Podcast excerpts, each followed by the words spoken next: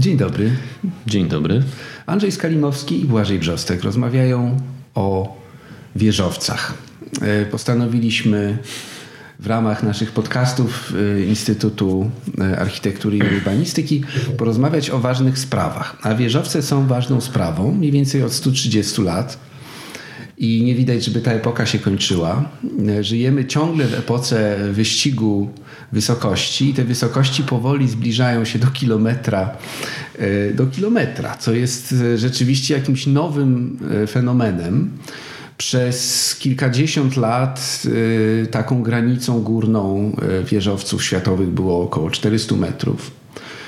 Takie wieżowce powstawały no, World Trade Center 1972 rok i koniec, klęska tej architektury we wrześniu 2001 roku. Ten nasz wiek się otworzył bardzo symbolicznym momentem terrorystycznego ataku na najwyższe wtedy wieżowce Nowego Jorku. I zawalenie się tych konstrukcji było jakby takim symbolicznym momentem prawdy dla cywilizacji zachodniej, ponieważ wieżowiec stał się w XX wieku jednym z symboli cywilizacji zachodniej, definiowanych, definiowanej E, przez Stany Zjednoczone, e, a następnie e, pod koniec XX wieku Azja przejęła pałeczkę i dzisiaj najwyższe, największe, najbardziej imponujące futurystyczne budynki powstają tam. W Dubaju jest ponad 300 wieżowców z czego y, kilkanaście ma powyżej 300 metrów. No i Burj Khalifa, który dzisiaj budzi największe emocje, czyli budynek, który ma ponad 800 metrów wysokości. Y, I to jest dokładnie tak, jakby postawić na sobie te dwie wieże World Trade Center, które runęły w 2001 roku. No i to jeszcze pewnie nie jest ostatnie słowo. Natomiast e, w zasadzie i duże, i małe stolice, i państwa bardzo zamożne, i państwa średnio zamożne szukają dla siebie takich symboli. I okazuje się, że e, i Gdynia, i Wrocław, i Warszawa, e, i Wilno, i Tallin mają, mają swoje wieżowce. I tu pojawia się pytanie, co jest wieżowcem?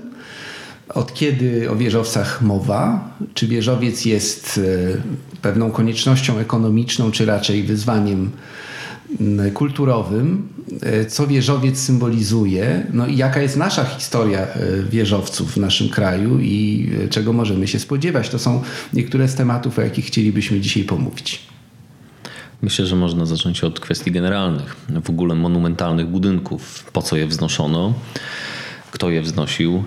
E, nie zawsze wieżowiec był symbolem nowoczesności. Mm, w dużo wcześniejszych czasach wznoszono gigantyczne budowle, począwszy od piramid, poprzez e, wielkie budowle antyczne, e, aż po lata 30., kiedy rozpoczynał się już na świecie wyścig zbrojeń. Mam na myśli budowę wieżowców, które w pewnym okresie ta rywalizacja między Związkiem Sowieckim a Stanami Zjednoczonymi no, nabrała takiej cechy właśnie rywalizacji między mocarstwami, czy w, w, tym przypadku aspirującymi mocarstwami jeszcze. E, ale przecież Albert Speer zaprojektował dla Adolfa Hitlera gigantyczną halę zgromadzeń, która nie była tak wysoka, natomiast była bardzo rozległa. Zajmowała ogromną przestrzeń, miała być dominantą nowego Berlina, stolicy Germanii. E, choć powiedziałem, że nie była wysoka, ona była wysoka. Ona była na tyle wysoka, że wysokość sklepienia, punkt najwyższy sklepienia od posadzki miał taką wysokość, że zbierały się, tworzyły się tam chmury w momencie, kiedy sala była wypełniona oddechów ludzkich, co sprawiało, że nie można było takiego budynku, nie można byłoby takiego budynku użytkować. Przeprowadzono takie próby. E, natomiast wieżowce, wydaje mi się, że początek budowy wieżowców miał również uzasadnienie ekonomiczne. Chodziło po prostu o wyzyskanie działki e, jak największym stopniu e, przy gęstej zabudowie miast XIX-wiecznych. Możliwość budowania w górę no, dawała, mm, krótko mówiąc, dużo większe profity ekonomiczne. Aczkolwiek to jest taki punkt wyjścia. Myślę, że nie, była, nie był to jedyny czynnik, który, który zdecydował, że to właśnie budowa gmachów w górę, a nie na boki, stała się tym trendem dominującym do dnia dzisiejszego. Chociaż, przepraszam, od razu tutaj, to na pewno ty będziesz mógł więcej powiedzieć. Rumunia, Pałac Czałszewsku, on z kolei poszedł tą zupełnie to jest potężna kubatura, to nie jest potężna wysokość i tutaj e, mamy te dwie wartości, wielką kubaturę, wielką imponującą e, bryłę i mamy też strzelistość. E, przy czym ta strzelistość, jeśli chodzi o wieżowce, to są takie dwa ekstremalne punkty widzenia. Jeden to jest ścisła ekonomiczna konieczność. Malutkie działki budowlane, na których deweloper, finansista chce jak najwięcej zyskać i buduje jak najwięcej pięter. I to oczywiście jest przymus ekonomiczny. E, ale jest też e, drugie ekstremum, czyli budowanie tylko dlatego, żeby przytłoczyć, zaimponować, żeby zdominować. W tym sensie wieżowce są e, budynkami bardzo dominującymi. Wieżowiec przytłacza, wieżowiec onieśmiela, i to zarówno wtedy, gdy stoimy u jego stóp, jak wtedy, gdy się wzniesiemy na szczyt i dlatego wieżowce historycznie właściwie od początku były obdarzane tarasami publicznymi, żeby można było zobaczyć, jak napisał jeden z reporterów o Nowym Jorku w latach 30., e, miasto ludzi przyszłości, którzy będą ptakami. To były takie wyobrażenia. E, w tym sensie wieżowce e, wyprzedziły komunikację lotniczą ponieważ e, pierwsze budynki 100-metrowe zaczęto stawiać jeszcze w latach 90. XIX wieku, no a 100 metrów to już jest naprawdę diabelnie dużo e, z punktu widzenia ludzkiego wymiaru, ludzkiego ciała e, i to wtedy były budynki jak gdyby z innego świata.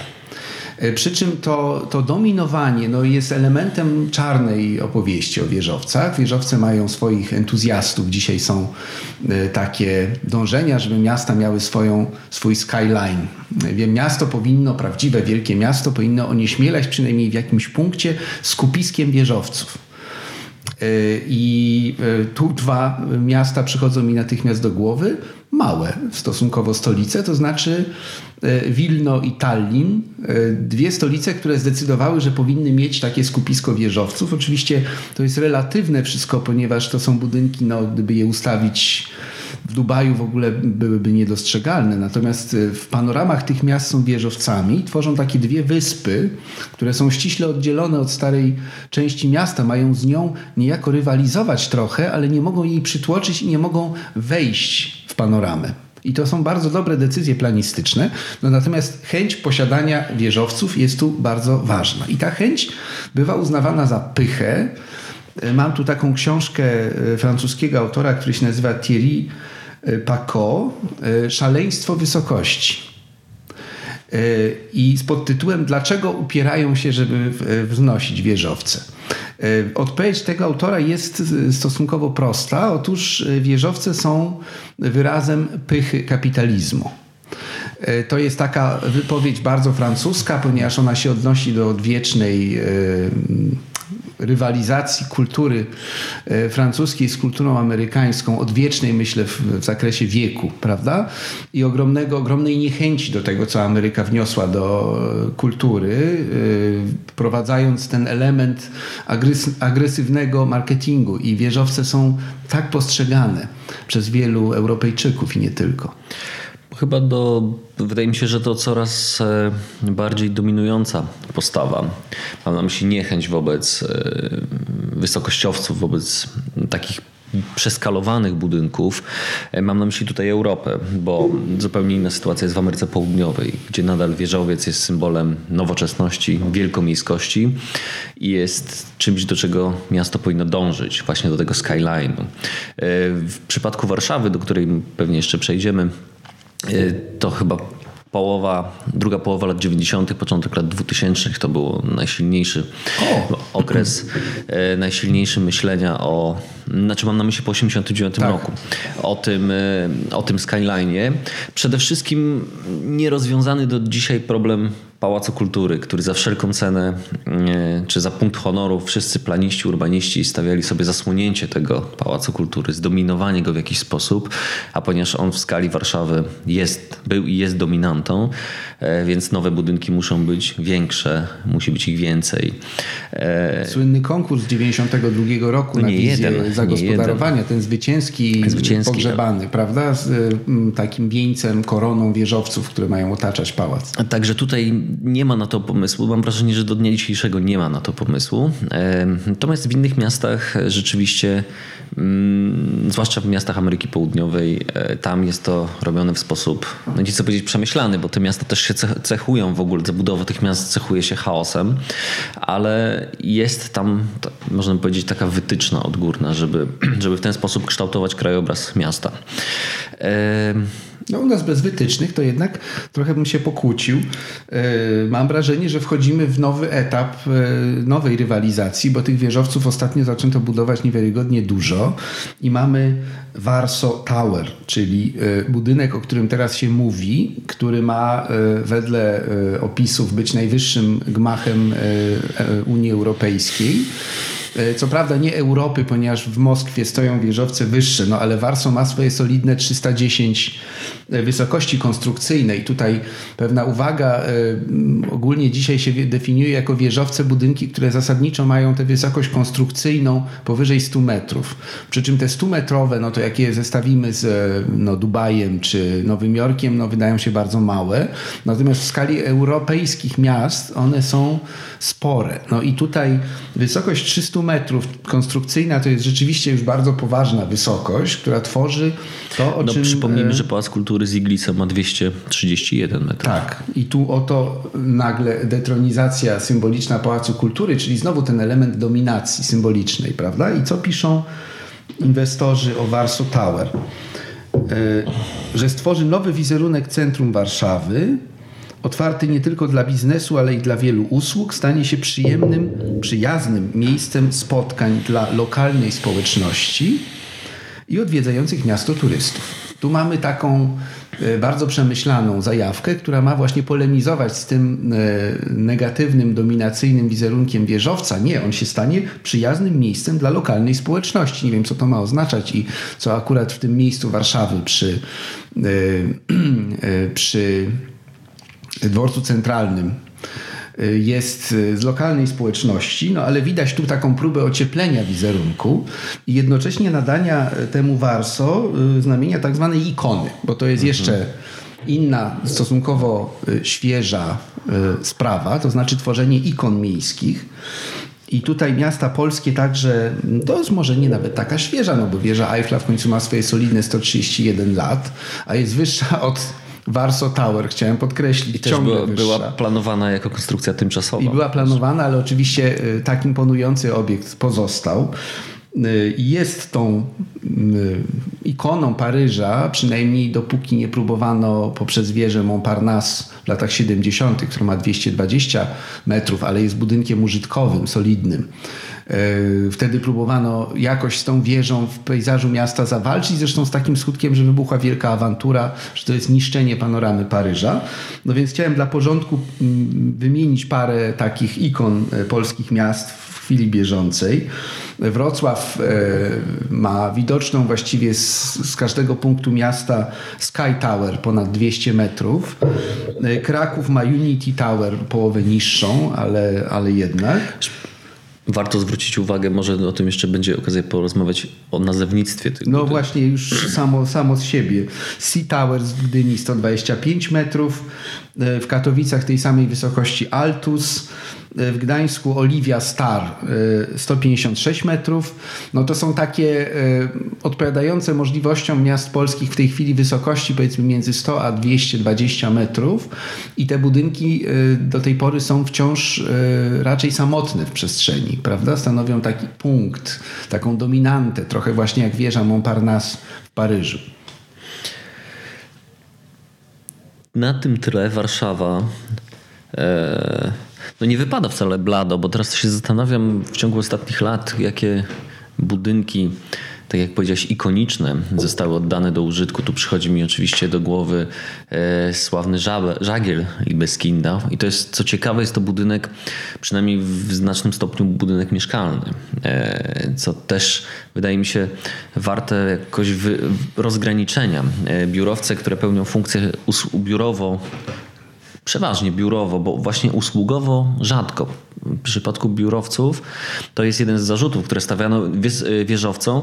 To jest e, destrukcyjne działanie na. Tak e, przestrzeń mm, e, miejską, przestrzeń publiczną, ponieważ jest w niewielkim stopniu możliwość wykorzystania parterów Natomiast na wyższych kondygnacjach siłą rzeczy ludzie nie przebywają, a przynajmniej nie ludzi z ulicy. To nie są ogólnodostępne. Znaczy, są oczywiście tarasy widokowe, nie, nie we wszystkich, ale to nie jest, e, nie daje to takiego efektu, jak daje niska zabudowa pierzejowa. No tak, chociaż próbowano to przełamać, budowując centra handlowe. Robiąc prawda? place, place przy ulicy, tak. przy Placu Grzybowskim e, ostatnio ostatnio kilka lat temu został oddany, czy nawet nie kilka, no może nawet kilkanaście miesięcy temu został oddany do użytku ten wielki biurowiec, nie pamiętam teraz jego nazwy, e, na zamknięciu ulicy Emilii Plater, mm, przed którym no, urządzono, że Plac Skrzybowski był, ale on w ramach, przy okazji niejako tej budowy i wyburzeniu gmachu teatru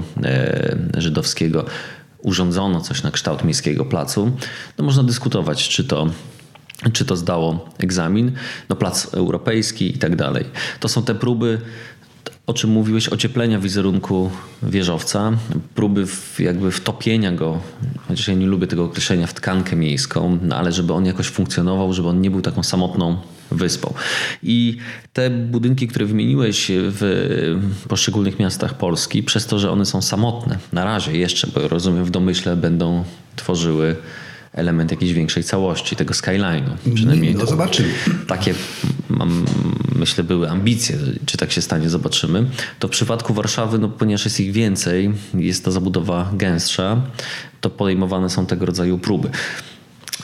To jest ciekawe, ponieważ y, zawsze wraca ten w przypadku Warszawy Pałac Kultury i Nauki jako ten punkt odniesienia, no bo to oczywiście nie był pierwszy wieżowiec w Warszawie, no ale pierwszy w takiej skali, a poza tym wzniesiony w zburzonym mieście w momencie, kiedy on powstawał w latach 51-55. W gruncie rzeczy nie miał konkurencji. No był już odbudowany Prudencjal, czyli najwyższy przedwojenny budynek, ale w porównaniu z Pałacem Kultury był to budynek... No cóż, Prudencjal 66 metrów. No to... W porównaniu z 230 ponad metrami.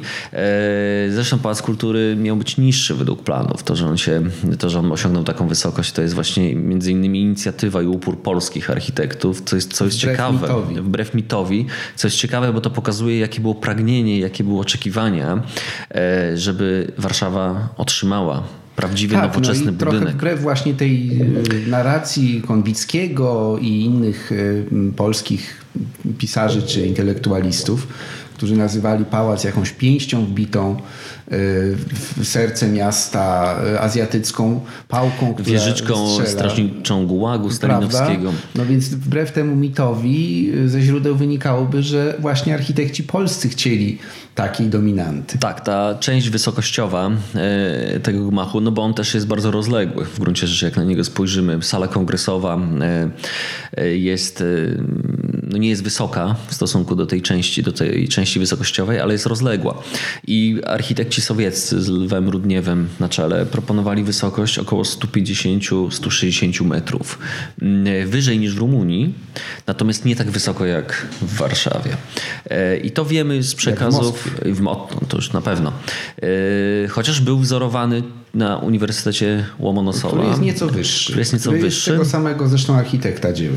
Natomiast, tak jak powiedzieliśmy, polscy architekci na czele z Józefem Sigalinem, który był no, naczelnym architektem Warszawy, ale przede wszystkim był pełnomocnikiem rządu do spraw budowy Pałacu Kultury i Nauki. To też jest ciekawe, ponieważ ta inwestycja, ona była, mówi się, że to był dar Stalina, że to był dla, dar dla Warszawy, e, dar partii, różnie to było określane. To w gruncie rzeczy była umowa międzynarodowa na szczeblu rządowym pomiędzy rządem sowieckim a rządem Polski Ludowej.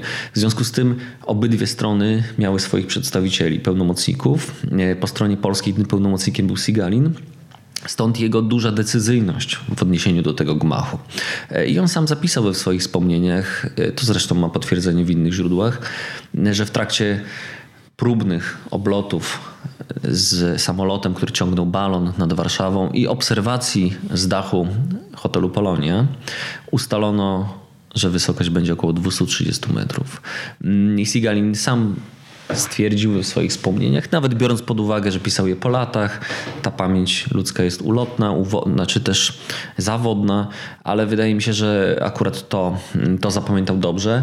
Nieprawdopodobny entuzjazm, który ogarnął grupę polskich architektów i inżynierów stojących na prawym brzegu Wisły, którzy widzieli ten wysoko zawieszony balon nad centrum tej zburzonej, jeszcze wciąż w latach 50. zagruzowanej Warszawy. E, w związku z tym wokół, e, wokół wysokości i samego Pałacu Kultury narosło wiele mitów. Co ciekawe, wbrew temu, co się twierdzi, wcale nie było planów, żeby jak najszybciej obudować Pałac Kultury innymi wieżowcami w latach 50. Wręcz przeciwnie, obudowa Pałacu Kultury bezpośrednia miała być dosyć standardowej wysokości, jak na oczywiście no, wysokie, ale nie, nie przewyższającej kamienic na MDM-ie. E, nie miało być tak, że Pałac Kultury będzie dominantą, która zostanie z, jakby zniuansowana e, podobnymi mu budynkami. To, to jest nieprawda. Być może w jakimś bardziej odległym czasie, gdyby ten socjalizm dłużej trwał, to prawdopodobnie tych budynków powstałoby więcej, ale na ówczesne również możliwości e, ekonomiczne, technologiczne. E, myślę, że Pałac Kultury przez, przez najbliższe 15-20 lat przy utrzymaniu koncepcji socjalistycznego centrum nadal pozostawałby taką nie, nienaruszoną dominantą. No bo to była cecha też y, urbanistyki y, tamtej epoki i tej strefy y, politycznej i gospodarczej. I tu możemy się znowu cofnąć trochę do początków wieżowców, e, bo one miały bardzo różne w gruncie rzeczy i e, kształty, i funkcje, i e, sytuacje. Wieżowiec, no tak jak powiedziałeś na początku, jest jednym z elementów realizacji takiego marzenia ludzkiego o wznoszeniu wielkich, imponujących budynków. To były przede wszystkim świątynie w Europie, kilkunastometrowe wieże. No, przepraszam, katedry. jeżeli już tak głęboko sięgamy, no to wieża Babel była Pierwszą. No wieża Babel jest taką mityczną y, opowieścią o ludziach no, ale, ukaranych. Ale za, ukaranych, ukaranych, które również się mierzą z rzeczami ukaranych za. Ukaranych. Więc tu jest właśnie już element tego, tego czarnego PR-u, prawda? Wieża Babel. Natomiast y, ci, którzy dokonywali dzieł pozytywnych ku większej chwale Boga, no to starali się piąć coraz wyżej w górę te, te gotyckie wieże katedr i one dominowały y, nad miastami europejskimi do końca XIX wieku. E, I tu w tym sensie budowa wieżowców jest może właśnie takim działaniem e, nieco diabolicznym, czy dążącym do, e, do detronizacji dotychczasowych wartości, bo to wieżowce zaczynają dominować nad budynkami sakralnymi, a nawet w niektórych momentach y, stają na ich miejscu. Tak się stało w Moskwie, miało się stać, bo w Moskwie lat 30. Mm, podjęto dosyć szokującą decyzję, jeśli chodzi o jej śmiałość, wzniesienia tego niewiarygodnie wysokiego pałacu rad, który miał mieć ponad 300 metrów wysokości, na miejscu zburzonej pospiesznie wielkiej cerkwi z XIX wieku, która stanowiła dominację, dominantę przestrzenną y, centrum Moskwy. No do budowy tego wieżowca w końcu nie doszło, do, zaczęto go budować, ale trzeba było go rozebrać w okresie wojny. E, ale e, Tutaj mamy takie dwa czynniki XIX-wieczne, które są bardzo ważne. Jeden to jest stal, a drugi to jest e, winda. Otóż bez stali i bez windy praktycznie wieżowców by nie było. I tu mamy dwa wyzwania, właśnie XIX-wieczne, które się realizują w drugiej połowie XIX wieku. Budowę budynków, które mają bardzo wiele kondygnacji, z windą, czyli wyposażonych w elektryczność i opartych na konstrukcjach stalowych i na betonie. E, to się zaczyna od projektów, pomysłów e, z chyłku XVIII wieku, oczywiście angielskich, bo wtedy Anglia jest tym krajem najbardziej przodującym w rozwoju technologii. Natomiast zaczyna się realizować w Stanach Zjednoczonych. I to jest bardzo ważny proces. W połowie XIX wieku zaczynają tam powstawać kamienice, które mają 8 pięter, co jest e, w Europie wartością wtedy no, nie, nieznaną, prawda?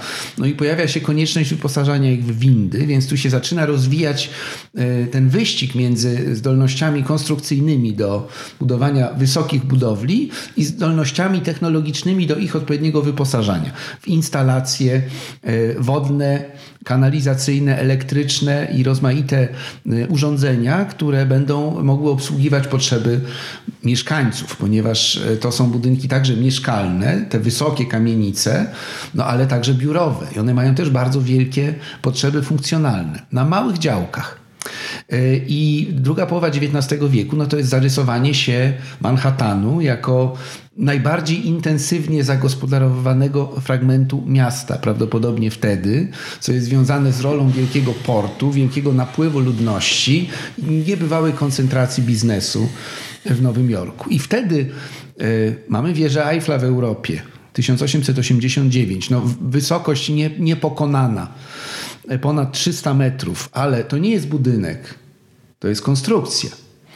E, natomiast rok później, w 1890 roku, powstaje na Manhattanie pierwszy biurowiec, który ma 100 metrów. E, I w następnych latach tych biurowców zaczyna przybywać, przy czym ich forma jest bardzo dla nas e, zabawna, ponieważ to są budynki o stalowych konstrukcjach, które są pokryte takimi płaszczami neorenesansowych dekoracji. Tak, no bo to jest typowy, znaczy przykład wręcz kanoniczny, kiedy forma nie nadąża za funkcją. Znaczy nadąża w sposób taki, jak powiedziałeś, e, poprzez różnego rodzaju kostiumy neo-renesansowe. E, tutaj wejdę dosłownie jak na marginesie. Przecież budynek pasty e, został obłożony takim kostiumem, właściwie no neo, nawiązującym wręcz do średniowiecznych zamków. Przecież to jest budynek budowany, wzniesiony na początku XX wieku, w pierwszej dekadzie, z absolutnie archaicznym kostiumem. No ale ma swoje imponujące wtedy w Warszawie 50 metrów, co jest niczym zresztą w stosunku do wtedy już budowanych w Nowym Jorku wieżowców, które zaczynają mieć 200 metrów, a w latach 30 300 metrów wysokości, co jest w Europie zjawiskiem całkowicie niewyobrażalnym. Nie ma takiego kapitału, nie ma takich technologii, nie ma architektów, którzy by się ośmielili, ale przede wszystkim brakuje przepisów, które by to dozwalały, ponieważ miasta europejskie na ogół są rządzone przepisami, które zabraniają tworzenia kanionów ulicznych z tą zasadą bardzo często wprowadzaną w XIX wieku, że wysokość budynku nie może być, nie może być e, wyższa, wyższa czy dłuższa niż mhm. szerokość ulicy, przy której on stoi. E, takie zresztą reguły były także w Warszawie. No inna sprawa, że to miasto było bardzo e, swobodnie zarządzane i one były łamane na różne sposoby, ale to jest taka kanoniczna wtedy zasada europejska. Otóż kapitał amerykański ma taką prężność, że wprowadzane tam w miastach też no, liczne zasady, zwłaszcza w dzielnicach dzielnicach mieszkalnych w miastach amerykańskich były respektowane. Natomiast są specjalne dzielnice, w których się nie respektuje takich reguł albo traktuje się je bardzo luźno, ponieważ biznes jest biznesem. I tu mamy e, właśnie funkcjonalność budynków. No one są tak wysokie, jednak przede wszystkim dlatego, że działki budowlane są piekielnie drogie i w związku z tym małe, e, a biznes potrzebuje dla siebie przestrzeni biurowych coraz więcej, prawda? Ale wtórnie wyrasta z tego oczekiwanie, że wysoki budynek będzie pokazywał potęgę firmy, która go zbudowała. Więc te wszystkie budynki Chryslera, te wszystkie no, prudentiale, prawda, w miastach już europejskich też, pokazujące moc e, instytucji finansowych, wielkich banków, wielkich firm, e, wielkich e, także producentów, to jest, to jest rzecz już symboliczna która wyrasta z tej cechy funkcjonalnej. Zresztą e, ta architektura się szybko przekształca. Na początku XX wieku te, te płaszcze historyczne są, e, są porzucane, pojawia się modernizm, pojawia się potem art deco jako taka e, właściwa stylizacja budynków wysokościowych w Stanach w latach 20. i 30. A potem pojawia się naśladownictwo tego. I tu trafiamy do Moskwy. Otóż w Moskwie, która była pozbawiona innych niż sakralne dominant przestrzennych, no, projekt budowy mm, Pałacu Rad w latach 30. jest takim projektem odosobnionym. Natomiast w 1946 roku, i to jest bardzo ciekawe, czyli w sytuacji, gdy e, Związek Radziecki jest państwem potwornie zniszczonym, e, o gigantycznych stratach ludnościowych, w którym ludność przeszła straszliwą poniewierkę. Są całe regiony, gdzie panuje głód. Ludzie przymierają głodem. Rada Ministrów e, Związku Radzieckiego podejmuje decyzję o zbudowaniu w Moskwie całego zespołu wysokościowców. I to już nie jest oczywiście przymus ekonomiczny, to jest tylko i wyłącznie przymus polityczny. Przy czym e, związany z rywalizacją ze Stanami Zjednoczonymi, która jest zjawiskiem nagle bardzo aktualnym, bo Związek Radziecki wychodzi z wojny potrzaskany, ale jednocześnie w pozycji mocarstwa i zaczyna grać e, inną grę niż dotąd. To już nie jest budowa socjalizmu w jednym kraju, tak jak głosił to Stalin wcześniej. To jest mocarstwo, które chce dyktować warunki e, w Europie, a być może na skalę globalną. I tu pojawia się polityczna konieczność pokazania, że stolica takiego mocarstwa jest najwspanialszym miastem świata. E, towarzyszy temu e, zaciekła krytyka urbanizacji amerykańskiej i dlatego wieżowce to co mówiłeś o Pałacu Kultury. Sowieckie są jednak projektowane inaczej. One nie są ustawione jeden przy drugim, nie mają tworzyć lasu wieżowców, mają być rozproszone, mają bardzo szerokie podstawy, ponieważ cena gruntu nie gra roli. W zasadzie przecież nie ma prywatnego obrotu ziemią w ogóle w Związku Radzieckim. Wszystko jest upaństwowione. W związku z tym można budować bardzo rozległe budynki i jednocześnie bardzo wysokie. I to ma być piękno tej e, urbanizacji sowieckiej, która jest racjonalna, rozsądna, nie tworzy kanionów, tworzy piękne widoki. No i, to zostało i program, także, program tak. ideowy tych budynków Właśnie. to też jest istotne, dla kogo one są budowane. Przecież to jest Pałac Kultury i Nauki. To nie jest siedziba partii w przypadku Warszawy. Nie jest to biurowiec nawet nie jest to biurowiec przedsiębiorstwa państwowego. To tak. jest budynek, który ma służyć kulturze i nauce. W związku z tym ulokowano w nim siedzibę Polskiej Akademii Nauk, Pałac Młodzieży, teatry, sala kongresowa. E, co nie znaczy, że Gdyby powstało tych budynków więcej, to nie lokowano by w nich przedsiębiorstw. Przecież e, przedsiębiorstwa tekstylne w Łodzi na przykład, one dostawały po wojnie swoje biura, czy na swoje siedziby dostawały budynki wysokie. Może nie tak wysokie jak w Warszawie, wysokie. ale wysokie. W związku z tym nie jest to jakaś reguła, no ale w przypadku również tych wieżowców, o których mówiłeś w Moskwie, jeden z nich został wspomniany Uniwersytet Łomonosowa, został przeznaczony na cele uniwersyteckie, dydaktyczne. Jeden został e, siedzibą Ministerstwa Spraw Zagranicznych. No to jest zrozumiałe. To jest zrozumiałe, ponieważ z tym wielkim kartuszem e, tak. przed wejściem. Jeden został przeznaczony na mieszkania dla nomenklatury. Zresztą bardzo ciekawy przy, przypadek w ogóle, e, ponieważ śledząc książkę meldunkową tego budynku można prześledzić losy mhm. osób na szczycie i jak z tego szczytu spadały. Mm, na przykład w Warszawie oczywiście no, możemy prześledzić losy kamienicy przy ulicy Szucha czy, czy innych prestiżowych lokalizacji, no ale to nie jest na taką skalę jak w Związku Sowieckim, tak. gdzie w tym budynku jak w Soczewce skupiają się e, wszelkie zawirowania. Natomiast wydaje mi się, że w przypadku e, rywalizacji ze Związkiem, e, Związku Radzieckiego, Związku Sowieckiego ze Stanami Zjednoczonymi, takim właściwie no, punktem wyjścia, a jednocześnie kropką, którą Związek Sowiecki chciał postawić, był ten projekt, ten konkurs rozpisany na Pałac Sowietów, o którym powiedziałeś. To miał być najwyższy budynek świata, świata zwieńczony statuą Lenina, który wyciągał palec w kierunku zachodu, co również miało być symbolicznym wskazaniem no, kierunku, gdzie rewolucja powinna się rozwijać. E, to był budynek tak wysoki, oczywiście pojawiały się problemy, e, że będzie kolidował z ruchem lotniczym. Natomiast no, założenie było takie, że on będzie widoczny. Widoczny symbolicznie, ale będzie też pełnił funkcję drogowskazu. Te no, budynki. ikony, czy to temu można nawet powiedzieć. Również, ale również w funkcji praktycznej, komunikacyjnej. Mhm. Tak samo jak Pałac Kultury miał być dominantą. Z każdej strony wjeżdżając do Warszawy miał wskazywać mhm. śródmieście. To miał, być, to miał być punkt, w którym się zbiegają drogi i to jest centrum tej nowej Warszawy. W związku z tym ktoś, kto w Warszawie nigdy nie był, jedzie do niej. E, orientuje się na Pałac orientuje Kultury. się na Pałac Kultury.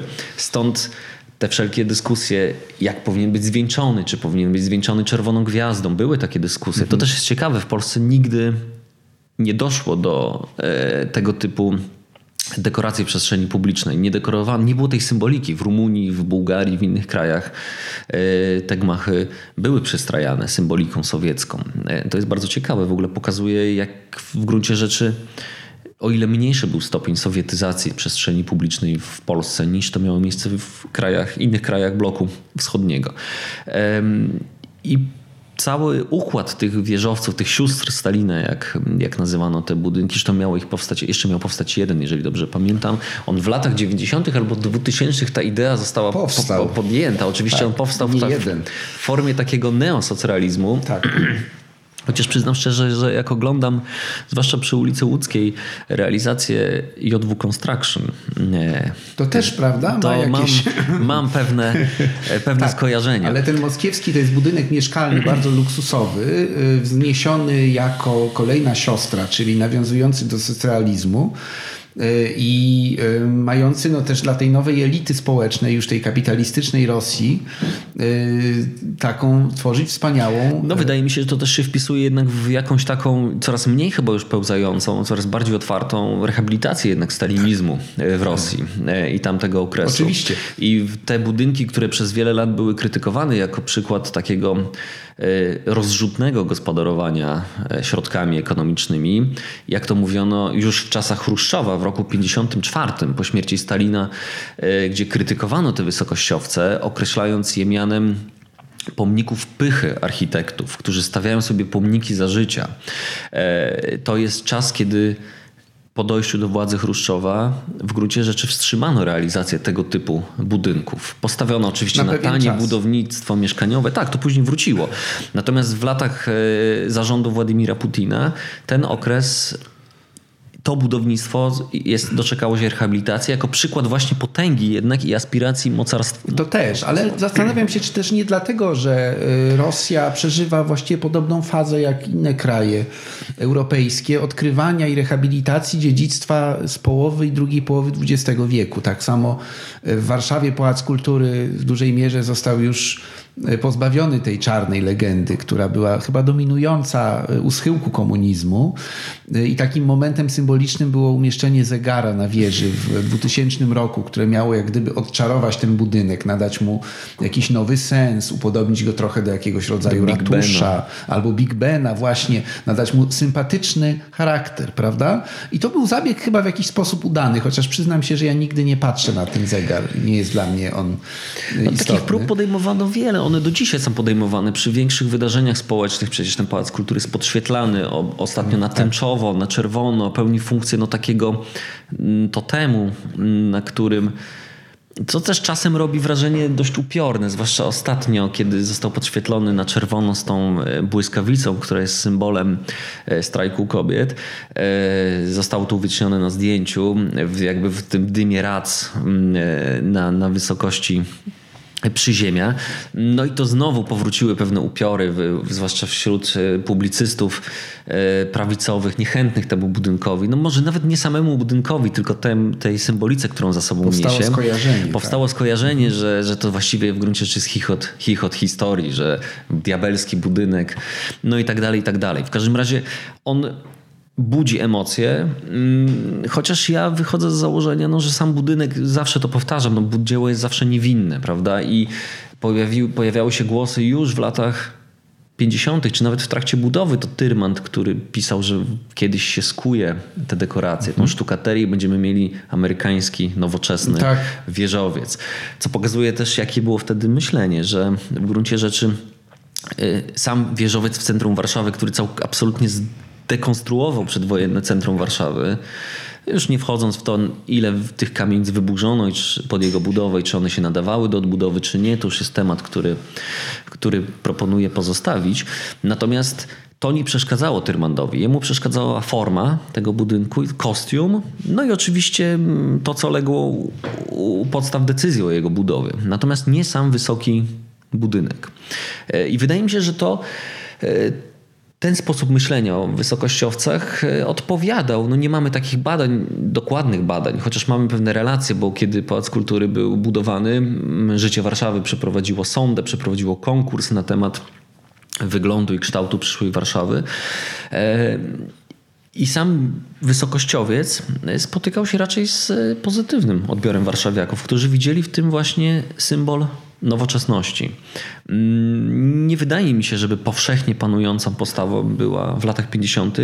absolutna niechęć wobec tego rodzaju budynków czy budynku. Ale naturalnie są też badania y, społeczne z lat 60. robione między innymi w szkołach wśród uczniów. Na naj... Pytano ich, jaki jest najpiękniejszy budynek Warszawy. Tam Pałac Kultury był bardzo wysoko w rankingach. Y, no i rzeczywiście sama budowa oraz wyposażenie techniczne musiało imponować. No to są czasy, gdy w Warszawie króluje cegła, gdy koźlarze wnoszą te cegłę na, y, na rusztowania, gdy większość transportu to są furmanki. A tu mamy y, a tu nagle... las dźwigów tak. przez kilka lat, który dominował w, w pejzażu Warszawy. Przecież zbudowano specjalny podest, taras widokowy, gdzie warszawiacy mogli śledzić postępy przy budowie, przy wznoszeniu tej konstrukcji.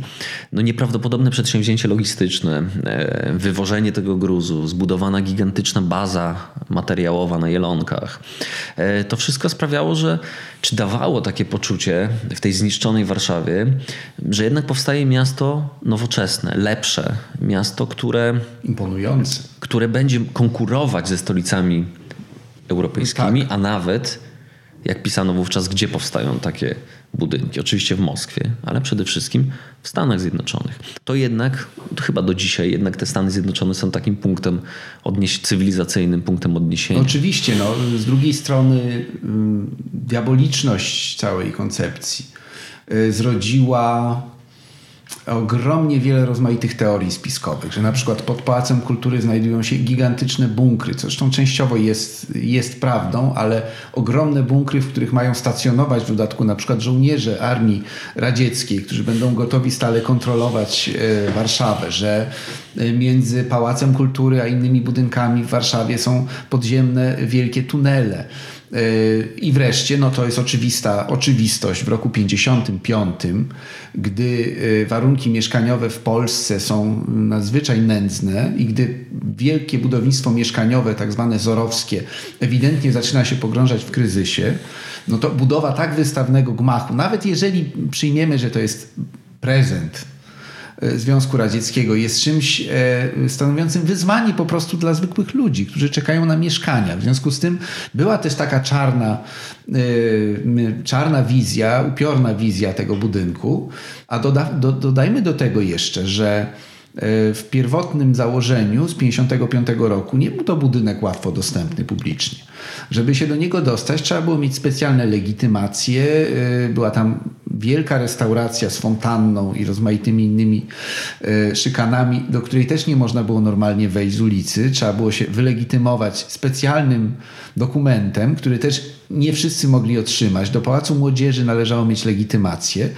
E, I w roku 1957, czyli po przełomie październikowym i zmianie polityki, e, taką ważną decyzją symboliczną jest otwarcie pałacu. To znaczy znosi się te, te rygory. Ale to chyba jest to też była decyzja natury ogólnej w odniesieniu w ogóle do luzowania restrykcji stalinizmu, bo tak. E, rzeczywiście Pałac Kultury był obwarowany no ale wydaje mi się, że nie, nie była to specyfika samego pałacu i jego programu, który miał być rzeczywiście taki egalitarny, e, co go ratowało w tym odbiorze społecznym, bo to o czym mówi, że ludzie czekali na mieszkania, ale wiedząc, że to jest jednak budynek, który służy dobru wspólnemu, łatwiej było im to przełknąć. Mam takie wrażenie i to wynika również z, ze wspomnień, z relacji ludzi, którzy no, mieli poczucie, że jednak powstaje coś, co będzie służyło ludziom. To nie, gdyby to było budowane na siedzibę partii albo urzędów, myślę, że byłoby dużo trudniej ludzi do tego przekonać. Co nie znaczy, że ludzie entuzjastycznie do tego wszyscy podchodzili, ale e, to, że ten budynek był niedostępny, e, wydaje mi się, że przynajmniej w 50% to był jednak ogólny klimat i realia e, Z całą połowy lat 50., gdzie właściwie no, stopień biurokratyzacji, stopień e, psychozy zimnowojennej e, osiągał takie rozmiary, że przecież w urzędach za niezamkniętą szufladę z planami można było trafić do więzienia. A to jednak był budynek no być może nie strategiczny z punktu widzenia e, obronności, no natomiast strategiczny z punktu widzenia całej ideologii, propagandy. E, więc prawdopodobnie to też możemy później jeszcze o tym podyskutować, jeżeli starczy czasu. Przecież mm, e, Pałac Kultury w pewnym momencie stał się takim miejscem spektakularnych prób samobójczych, znaczy udanych samobójstw. E, ten taras widokowy, który był dumą taką no i Warszawy, gdzie wszystkie wycieczki obowiązkowo musiały ten taras widokowy odwiedzić. On zdaje się w latach 70. czy już 60. zostaje okratowany, tak. ponieważ ludzie skaczą z tego budynku. Tak. To jest miejsce, gdzie nie ma wówczas w Warszawie miejsc, z których można, wieżowców, z których można skoczyć i być zauważonym, prawda?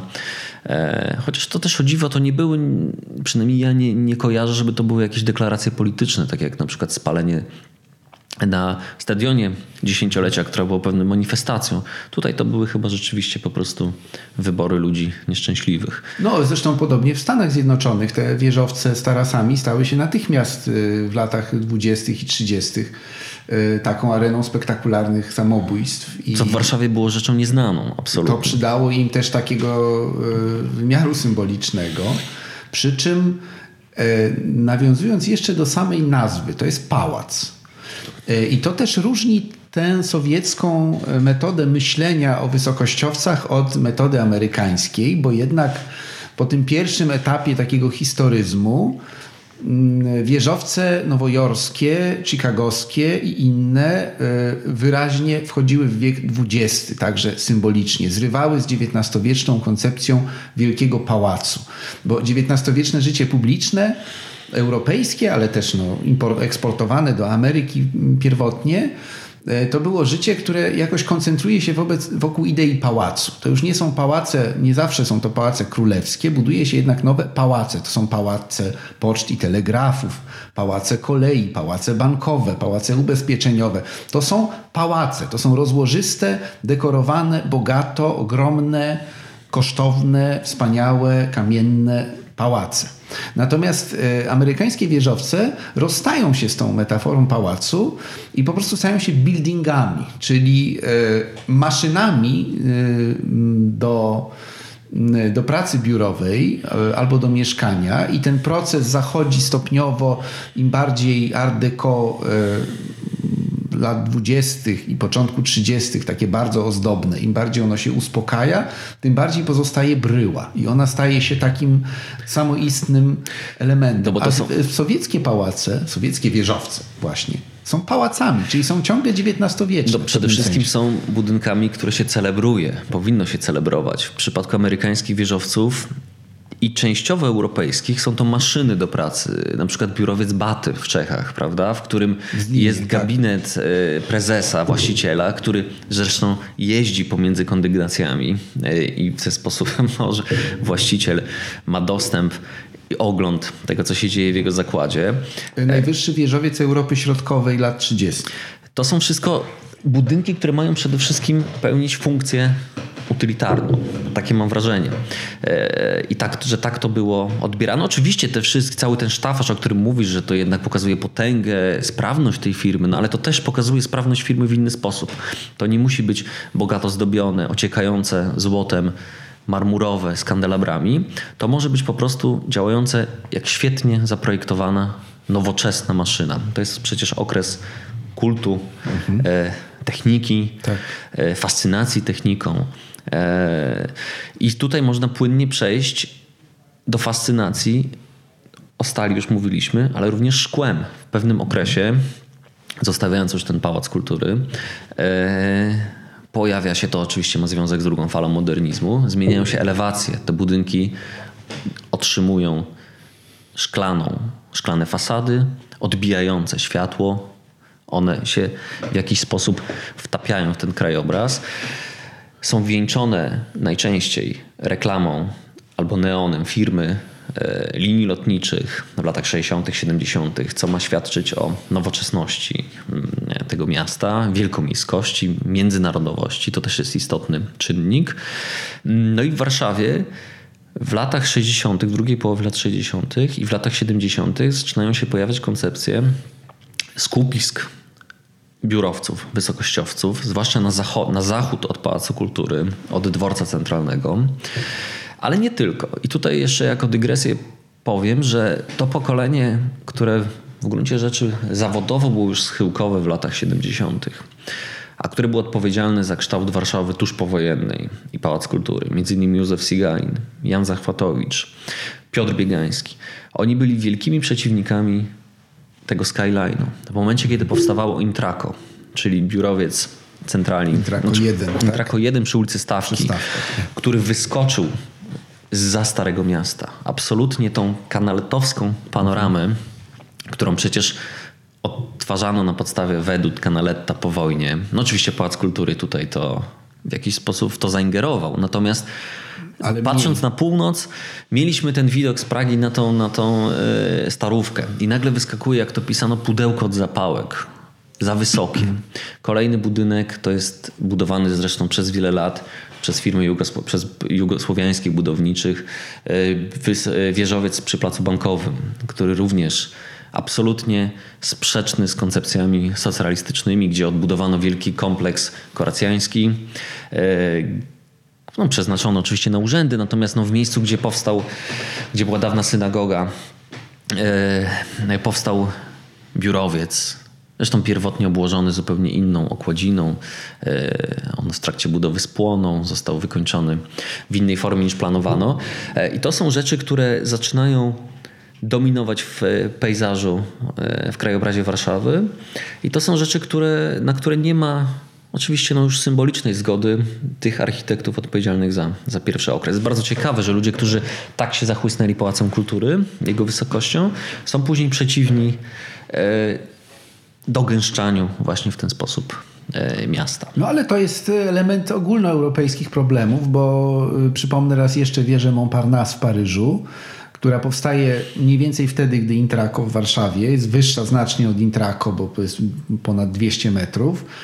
No ale awantura wybucha bardzo podobna. To znaczy nagle okazuje się, że Paryż widziany, no nie wiem, na przykład z Montmartru, ten taki kanoniczny widok Paryża, nagle się całkowicie zmienia, bo wyrasta taka e, zapałka która stanowi dominantę przestrzenną, punkt orientacyjny, ale z drugiej strony rzecz całkowicie obcą, nie tylko dlatego, że Paryż widziany w panoramie jest kamiennym, jasnym miastem, a wieża Montparnasse jest obłożona ciemnymi okładzinami, e, późno modernistyczna zapałka, no ale też dlatego, że wydawało się ogromną pychą w ogóle budowanie, wstawianie do miasta czegoś podobnego.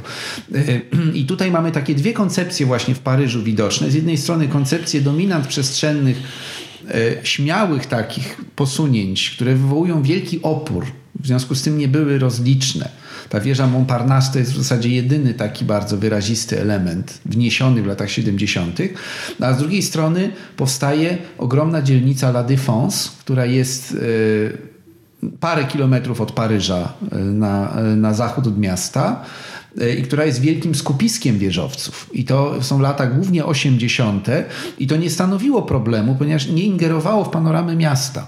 E, to jest ta druga wizja, która mi się kojarzy właśnie z Stalinem, wszystkie mhm. proporcje zachowując, to znaczy zgody na e, odseparowaną, wyraźnie wygrodzoną, wyznaczoną strefę wysokościową. I tu wracamy do Warszawy. Ja chciałem powiedzieć jedną dziwną rzecz, mianowicie Warszawa lat 70. była Dubajem.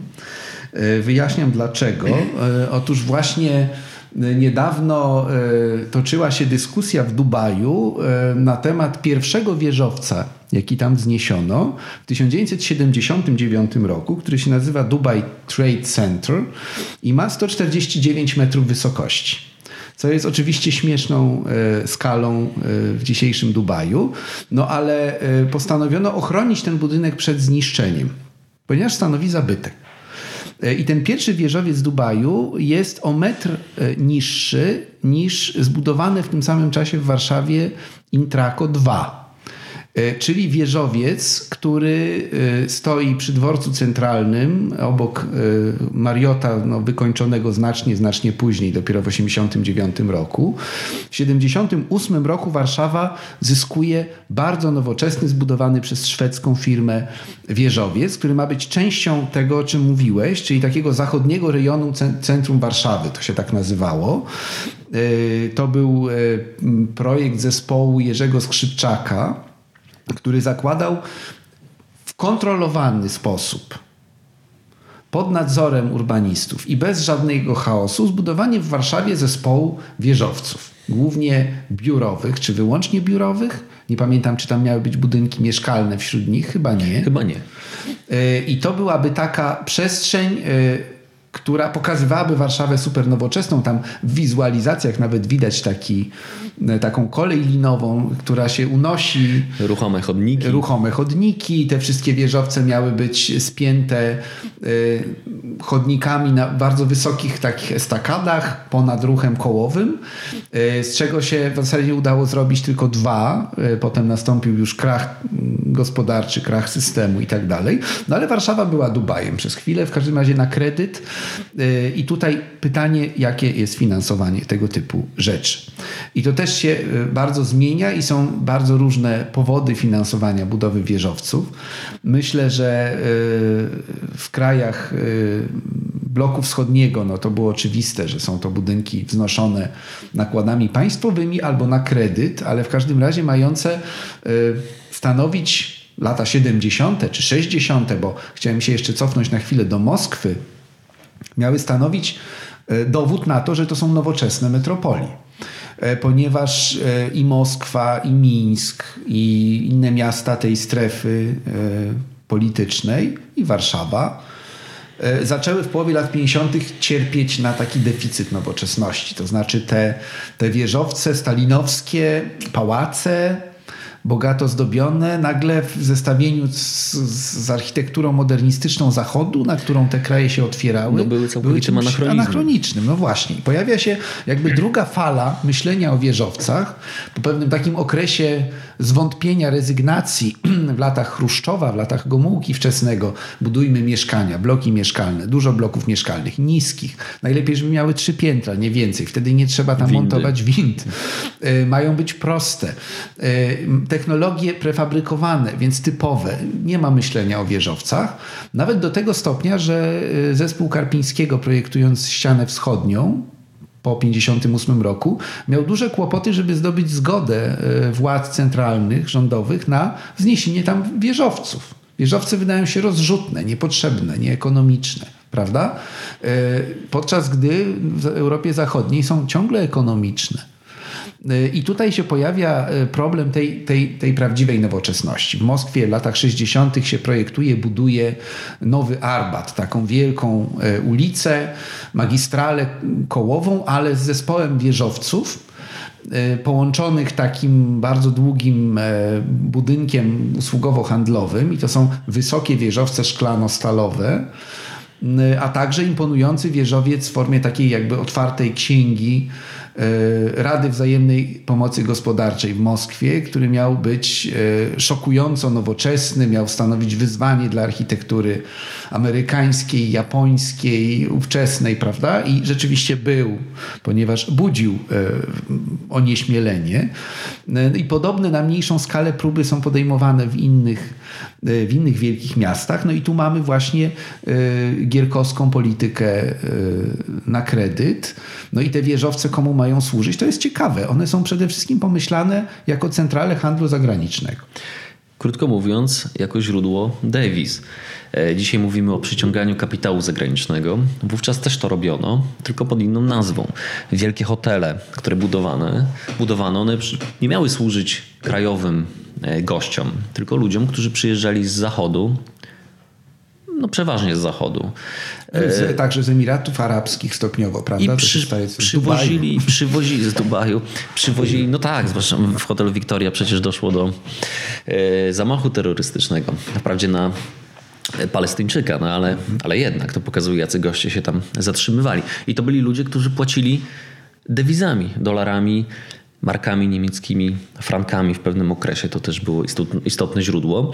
E, I na przykład Hotel Forum został zbudowany na kredyt przez szwedzką firmę Skanska i z wypracowanych zysków ten kredyt miał być spłacony. E, Polska nie dysponowała ani taką technologią, ani takimi środkami, ani tak zwanym know-how, jak zbudować taki, taki gmach. W związku z tym wówczas pisano o imporcie technologii i te budynki, o których mówisz, one były wznoszone.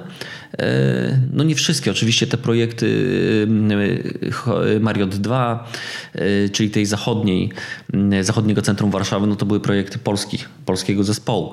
No niemniej Hotel Forum, hotel, budynek Intrako wspomniany, to są projekty, czy Victoria, Hotel Victoria, niższy budynek, ale również prestiżowy, nowoczesny, najbardziej luksusowy hotel Warszawy w pewnym okresie.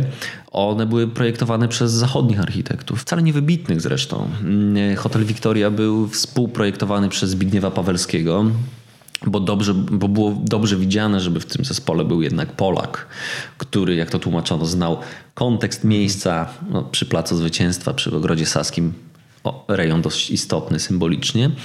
No niemniej cały ciężar zaprojektowania budynku jednak spadał na architektów zachodnich. To też jest ciekawe, bo to rodziło opór krajowych architektów, którzy no, nie uważali się wcale za gorszych. I ten zachodni rejon centrum Warszawy no miał być pewnego rodzaju odpowiedzią jednak na, mhm. na zapotrzebowanie, na ten głód e, projektów, zleceń i pokazaniem, że no już jesteśmy w stanie poradzić sobie z tym sami. No tak, bo też e, i model gospodarczy próbowano jednak e, trochę zmienić. Ten taki model e, socjalistyczny oparty na wytopie stali, oczywiście to było wciąż bardzo ważne i na wydobyciu kopalin i na inwestycjach w przemysł ciężki.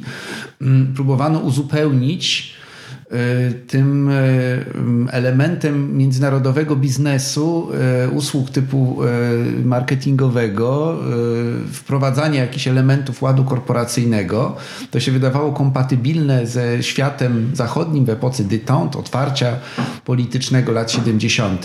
No i teraz trudno było sobie wyobrazić, żeby bankowcy, finansiści, politycy, Y, z krajów zachodnich y, byli goszczeni w Warszawie lub pracowali w biurach w warunkach urągających im ich wyobrażeniom o komforcie, prawda? I te, i te takie wstawiane w miasto Y, szklane y, fortece, trudno dostępne dla mieszkańców, w zasadzie oni nie mieliby tam co robić, tam nie było dla nich żadnych atrakcji. To też jest bardzo charakterystyczne, że tam nie było y, tego elementu, o którym już mówiliśmy, to znaczy centrów handlowych, miejsc dostępnych publicznie. Parterów. To Parterów taką właściwie. funkcję też, i to zostało odgórnie jednak zadekretowane, pełniły hotele, czy partery hotelów, hoteli, które, u których urządzano kawiarnie, peweksy, które dawały taką iluzję i taką namiastkę tego zachodu, że obywatel Warszawy, który nie mógł wyjechać, czy nie było go stać, mógł zamówić Coca-Colę, usiąść przy tym e, designersko zaprojektowanym stoliku w kawiarni hotelu Victoria i przez te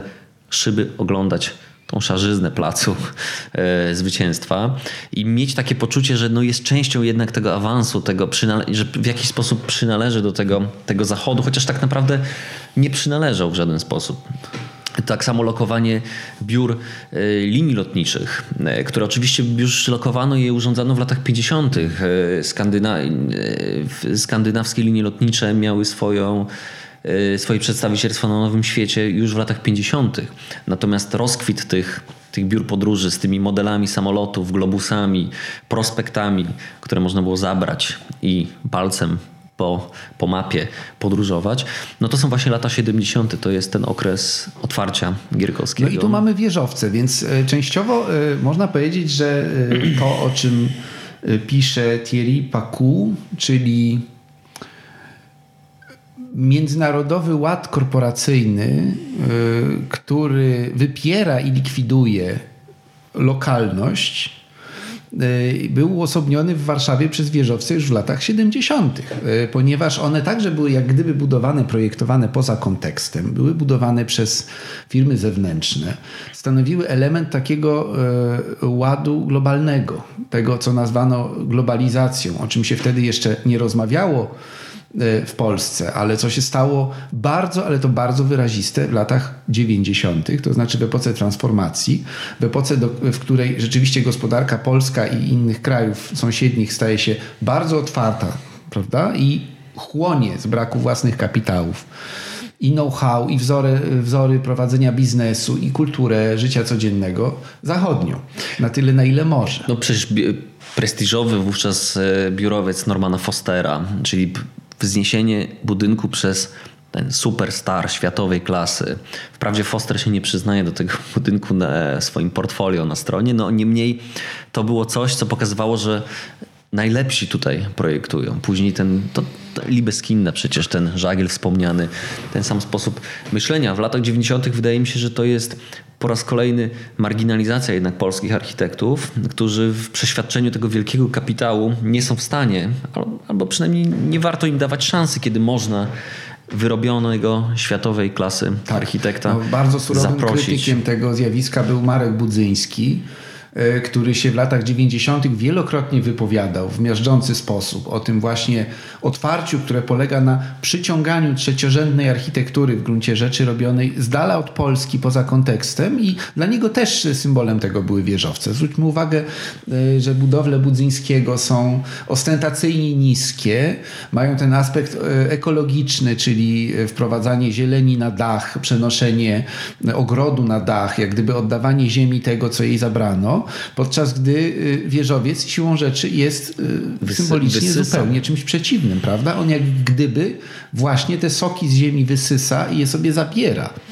Y, I zabiera jednocześnie światło innym ludziom, stąd też konflikty wokół budowy wieżowców, no bardzo duże konflikty. No i ich kształty przecież Interkontynental w Warszawie, który jest podcięty. On się przynajmniej dopasował. No, bo został do tego zmuszony. Tak, ale to jest nawet interesujące, to bo tam prawda. jest taka noga, prawda? I prześwit, który wpuszcza światło na fasadę bloku z lat 60., który stoi obok, ale protesty e, sąsiadów e, przeciwko budowie wieżowców w Warszawie lat 90. zwłaszcza były bardzo, e, bardzo głośne. I oskarżano te firmy deweloperskie o to, że nie liczą się nie tylko ze społeczno właśnie społecznością lokalną, którą teraz Warso Power chce przytulić, prawda, ale że to jest element wielkiej korupcji. To były zarzuty publicznie formułowane wtedy, że istnieją rozliczne związki między rozmaitymi e, instytucjami publicznymi czy samorządowymi w Polsce, a inwestorami, którzy starają się zdobywać siekierą sobie wyrąbać prawo do budowy tego, co chcą w miejscach e, e, bez planu zresztą na ogół. Albo z planem, albo pogwałceniem planu. No i na, na fali tego pożądania, tej nowoczesności, tej, tak. tego wrażenia, że co by nie powstało, byle było wysokie, przeszklone i najlepiej z logo zachodniej firmy, mm, to już będzie pozytywne. No ale tu w gruncie rzeczy dochodzimy do, do pytania, y, na które nie ma odpowiedzi. Y, jaki wzorzec powstawania miasta jest bardziej właściwy? Mamy miasta organiczne, spontaniczne i mamy miasta y, planowane, kontrolowane. To jest ta sama w gruncie rzeczy polemika, jaka była między Nowym Jorkiem a Moskwą w czasach Stalina. Nowy Jork był spontaniczny, e, oddolny, Moskwa była planowana, była kontrolowana, była miastem rządzonym silną ręką, prawda?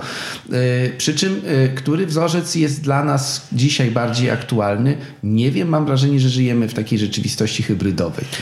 Tak, no ale to też już ta pierwsza fala z lat 90., lat 2000, tych wieżowców, tych wieżowców postmodernistycznych, e, ona już jest zastępowana nowymi, wyższymi budynkami. Budynek Ilmetu, rozbierany, prawda, który przez wiele lat był takim, zresztą zaprojektowany przez architekta z Jugosławii. E, to też nie był projekt polski. E, on już dzisiaj przestaje istnieć. W jego miejscu stanie prawdopodobnie coś dwukrotnie, dwukrotnie wyższego. To jest też pytanie, czy chronić te budynki. To jest już w gruncie rzeczy postmodernizm, no niebawem to będzie 30 lat od pierwszych już nawet jest 30 lat, bo pierwsze budynki to jest koniec lat 80. E, jeżeli chronimy Pałac Kultury, który jest w rejestrze zabytków, e, chronimy socrealizm, chronimy te budowle drugiej fali modernizmu. No akurat Hotel Forum może nie, chociaż, jemu, chociaż on też przebudowany był parę lat Bardzo, temu. Tak. E, natomiast wszel, wszelkiego rodzaju przeszklone pawilony, które jeszcze zostały, nie ma ich znowu tak wiele, ale one już się cieszą uznaniem, mm, pojawiają się już pierwsze głosy, żeby chronić te lata 90., ten postmodernizm. No więc właśnie i tutaj mamy, mamy ten Dubaj z tym pierwszym wieżowcem. E, mamy historię burzenia, żeby stawiać wyżej. To cały Manhattan właściwie to jest bezustanne burzenie e, w XX wieku, bo chcemy wyżej.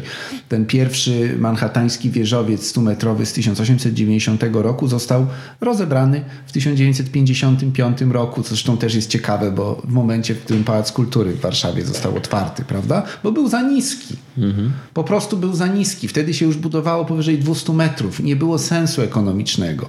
Trzymać niskich takich karzełków wśród tego lasu wieżowców, prawda? Więc to są procesy jakoś spontaniczne, pokazujące y, potęgę ekonomii, potęgę y, przepływów finansowych, no ale też w końcu z drugiej strony y, innowacyjność, to znaczy ciągle nowe koncepcje, ciągle nowe, rywalizujące ze sobą możliwości, podczas gdy no, ład, którego znaczna część Europejczyków bardzo pożąda, to jest ład innego typu, jak sądzę. To znaczy istnieje tutaj też taka symboliczna rywalizacja między tak zwanymi wartościami europejskimi, a wartościami globalnymi, które już niekoniecznie są amerykańskie, bo one mogą być chińskie, e, mogą być azjatyckie w ogóle, prawda? E, a tym e, tą nostalgią Europejczyków za takim ich dawnym ładem, za tym, żeby miasta były foremne, nie za wysokie, żeby się w nich żyło w ludzkiej wolno. Skali. To jest argument skali. używany. Tu mamy te bardzo ostatnio ważne skandynawskie pomysły na życie duńskie czy szwedzkie. Życie nie powinno być takie szybkie. Życie powinno być w harmonii z krajobrazem, z naturą. No tutaj Marek Budzyński, który wiele tak. lat temu już to głosił, okazuje się być teoretykiem i praktykiem zwycięskim, ponieważ wraca się do symbiozy z naturą, z przyrodą, oddaje się pierwszy plan drzewom, zieleni. E, to jest posunięte oczywiście czasem do, mm, do granic, kiedy nadaje się również drzewom podmiotowość, co powoduje, że nie można ich wyciąć. To są oczywiście skrajności, które zawsze towarzyszą tego typu procesom, ale wydaje mi się, że w takim odbiorze społecznym i dlatego zacząłem od Ameryki Południowej, gdzie jednak tych jeszcze tego nie, nie wiem, czy to będzie widoczne, ale nie widać takiego takich trendów. Tam jednak cały czas jest pogoń za tą nowoczesnością rozumianą jako miasto wysokie, ze szkła i stali, e, miasto instytucji finansowych.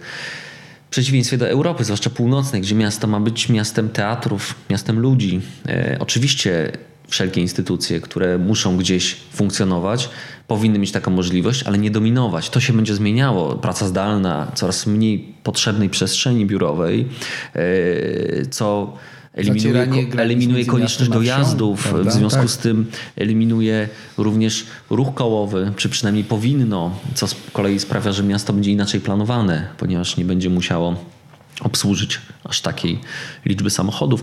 No myślę, że jesteśmy w tym momencie w jakimś takim, na, na pewnym, w pewnym momencie przełomu jednak. Myślę, że e, inaczej nie potrafię powiedzieć, w którym kierunku to pójdzie. Natomiast no, no na pewno na pewno coś się w tym zakresie zmieni. Zobaczymy. Wydaje mi się, że e, ta historia nie jest zakończona. Historia wieżowców e, będzie trwała. Mm, pytanie, jak one będą odbierane, co będą znaczyły, y, to o czym powiedziałeś, czyli aspekt dominacyjny wieżowca, y, który się nie godzi z takimi trendami dzisiejszego y, społeczeństwa zachodniego, które dąży do, do równości, poszukuje pewnej równości, poszukuje, poszukuje opieki nad mniejszościami. Wydaje się, że wieżowiec dubajski nie jest symbolem tego rodzaju, tego rodzaju emocji i tego rodzaju dążeń. No ale jak wiadomo, te same lub podobne formy potrafią wyrażać w innych kontekstach zupełnie co innego. Dziękujemy.